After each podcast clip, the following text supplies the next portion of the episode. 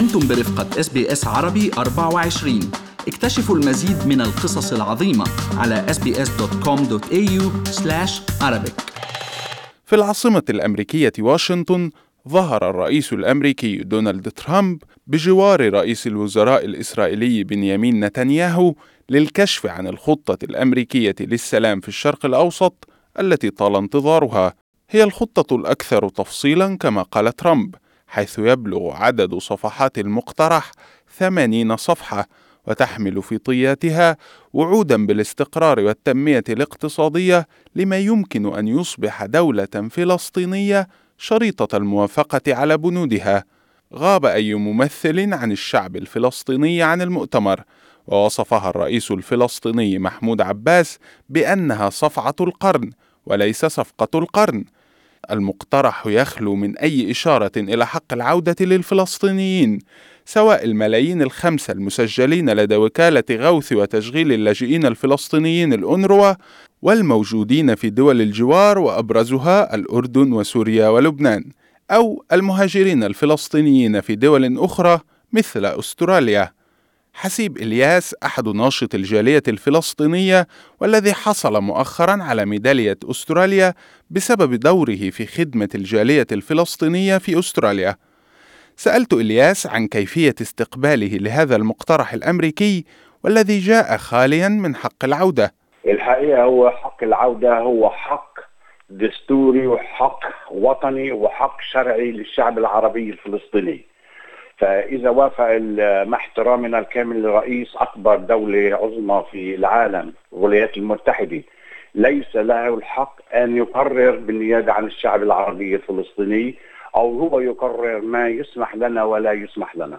طيب لماذا لا يتم قبول الوضع الحالي في مقابل أن الباقيين في فلسطين يشعروا بالأمان؟ اللي حصل في عام 1948 هو تهجير وطن الشعب العربي الفلسطيني من بيته طردا بالعنف بالقوة في معركة دير ياسين أثبتت هذا الموضوع وفي القرى والمدن المجاورة الفلسطينية العام حدود 1948 هو غير عن الحق اللي في كثير عالم وكثير ناس يعني طلعوا أو تركوا بلادهم من أجل الاستقرار في مدن أو في في في في دول في دول أخرى لكن دولهم موجودة وطلعوا بالاستقرار هم بنفسهم برضى خاطرهم لكن الشعب العربي الفلسطيني بذلك الوقت طرد من أرضه.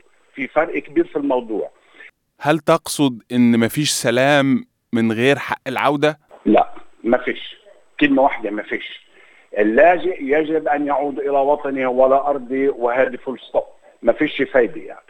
النازح طرد من أرضه ويجب العودة إلى أرضه حسب القانون الشرعي في الأمم المتحدة.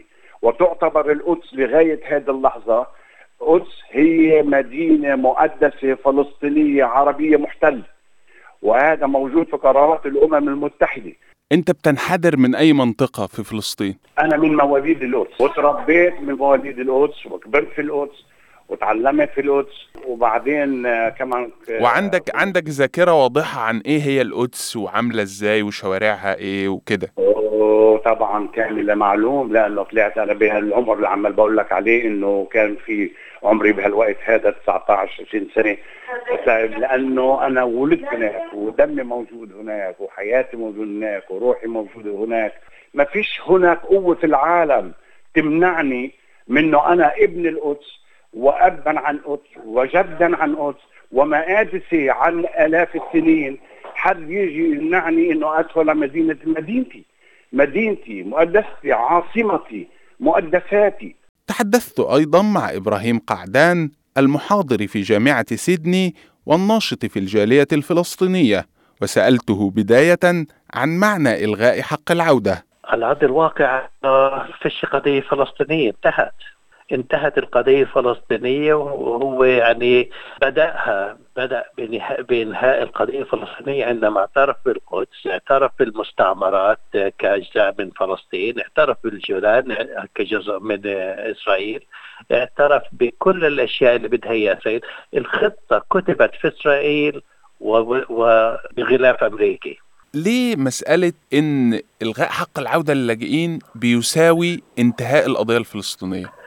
لأنه كل المواثيق الدولية والقرارات الدولية اللي صدرت تذكر إنه حق الشعب الفلسطيني واللاجئين الفلسطينيين بالعودة إلى أراضيهم. وإذا كان إحنا قبلنا بالصفعة اللي بقدمها معناته إنه إحنا نعطي إسرائيل بيوتنا وأملاكنا وحقوقنا بدون مقابل وبننسى القضية وانتهت. انتهت القضية. طيب انت انت ك كفلسطيني ممكن تقول لنا انت خرجت من فلسطين إمتى أو إيه الظروف اللي خلتك تسيب فلسطين؟ أنا ما أنا من مواليد الأردن ب بعد النكبة طبعا أهلي خرجوا من يافا خلال الحرب لأنه صار في مذابح وأنت بتعرف إنه أي حرب بتنتج عنها مهاجرين ولاجئين. لما أهل حضرتك خرجوا من يافا كان عندهم ممتلكات؟ كان عندهم طبعا. كان عن... كان عندنا بيتين. وحتى الآن ما تعرفوش مصيرهم إيه أو بنعرف مصيرهم مهاجرين يهود ساكنين فيهم. لكن البيوت ما زالت قائمة. ما زالت قائمة. طيب بعد الأردن جيتوا أستراليا إمتى؟ أنا جيت 72 ناس ناس كتير بتقول فات على هذا الموضوع سنين طويلة جدا والناس اللي في دول مستقرة زي أستراليا ليه ما تقبلش بهذا الوضع؟ وخلاص تعتبر نفسها أستراليين ويستمروا في الحياة من هذه النقطة. أول شيء اليهود استنوا 2000 سنة مشان يرجعوا. إحنا بعدنا 70 سنة. ليش نقبلها لليهود؟ يرجعوا بعد 2000 إذا حسب حسب ادعائهم وإحنا حرام علينا نرجع بعد 70 سنة وإحنا بعدنا عايشين وبعدنا إلنا أملاك وبعدنا موجودين. الكاتبة والأكاديمية سماح سبعاوي خرج أهلها من قطاع غزة بعد حرب عام 1967 قبل أن ينتقلوا إلى أستراليا. سبعاوي اعتبرت القرار الأمريكي سابقة خطيرة في القانون الدولي. هو أكيد إشي كتير خطير لما دولة بأهمية أمريكا تقرر من نفسها أنه تلغي حق العودة أو إنها تغير قوانين القوانين الدولية المتعارف عليها وتألف من عندها قوانين جديدة وتقول لازم أنتم تمشوا عليها. فهذا شيء كتير خطير بحد ذاته. بس حق العودة هو حق. هو حق ما بيقدر أي حدا ياخده منك. ما بيقدر أي حدا يمنعك إنك تتمسك فيه. فإحنا كفلسطينية ما تغير علينا شيء. في ناس أو في وجهة وجهة نظر بتقول إن مسألة العودة دي مر عليها سنين كتير وإن كل فلسطيني موجود في بقعة معينة من العالم يستقر في هذه البقعة ونطوي هذه الصفحة من أجل السلام. شوف أكيد إنه من حق أي فلسطيني إنه يقرر يستقر إذا بيقدر في مكان تاني. ومن حقه إذا إذا قرر إنه يرجع يرجع لوطنه. هذه يعني هذا هي المشكلة في إنك تلغي حق العودة عند أي شعب. هذا هذا معناته أنت بديت تعمل قوانين جديدة. معناته إنه أنت ممكن تروح إجازة بكرة على بالي وإذا صار إشي في أستراليا وتغيرت الحكومة يروح مش بس بيتك بيتك ممتلكاتك حسابك في البنك حقوقك كمواطن أسترالي كل شيء بيختلف فإحنا لما نحكي عن حق العودة ما ما عم بس نحكي على إني أنا بدي أرجع وأعيش هناك وبس. لا بدي أحكي عن استلاب صار و... و... وعن إنه حان الوقت إنه نطالب بحقوقنا اللي يعني سلبت منا. حقنا في الأرض حقنا في ال... في ال... في المزارع في الممتلكات اللي تركناها في الكتب اللي سرقوها منا. طيب حقنا في إنه نكون مواطنين على أرضنا. فهذا الإشي ما في شيء بغيره يعني. أليكس ريفشن الرئيس المشارك للمجلس التنفيذي لليهود الأستراليين اعتبر العرض الأمريكي فرصة ممتازة للوصول إلى السلام من خلال جهود دبلوماسية وسياسية. ريفشن رفض فكرة حق العودة من الأساس واعتبرها فكرة خيالية وغير مسبوقة في أي صراع في العالم. I think we first must recognize that this concept of a right of return is something that is unprecedented in international law and it's unique and claimed only by the Palestinian people. And when we talk about a right of return, we're not talking about a return of descendants of Palestinians to a new Palestinian state. We're talking about a return of the children, the grandchildren, the great grandchildren of those Palestinians that lived in what became the territory of the state of Israel, having a perpetual, constant right to return by their millions to the state of Israel.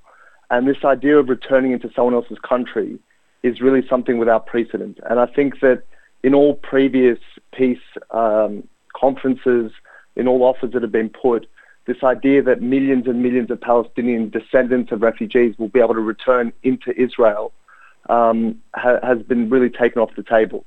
It's not something that's realistically claimed. كما اتفق ريفشن على ضرورة إيجاد حل لأزمة اللاجئين الفلسطينيين ولكن يجب ألا يكون هذا الحل من خلال إعادتهم إلى الأراضي التي أصبحت الآن تسمى دولة إسرائيل بل بإعادتهم إلى الدولة الفلسطينية حال إقامتها أو تقديم تعويضات مادية أو أي حل آخر شريطة أن يكون عمليا وعقلانيا كما قال Um, the other thing that's important to note is, is that any displacement that did occur in 1948, and it did certainly occur, and I wouldn't deny that, occurred as a result of a war.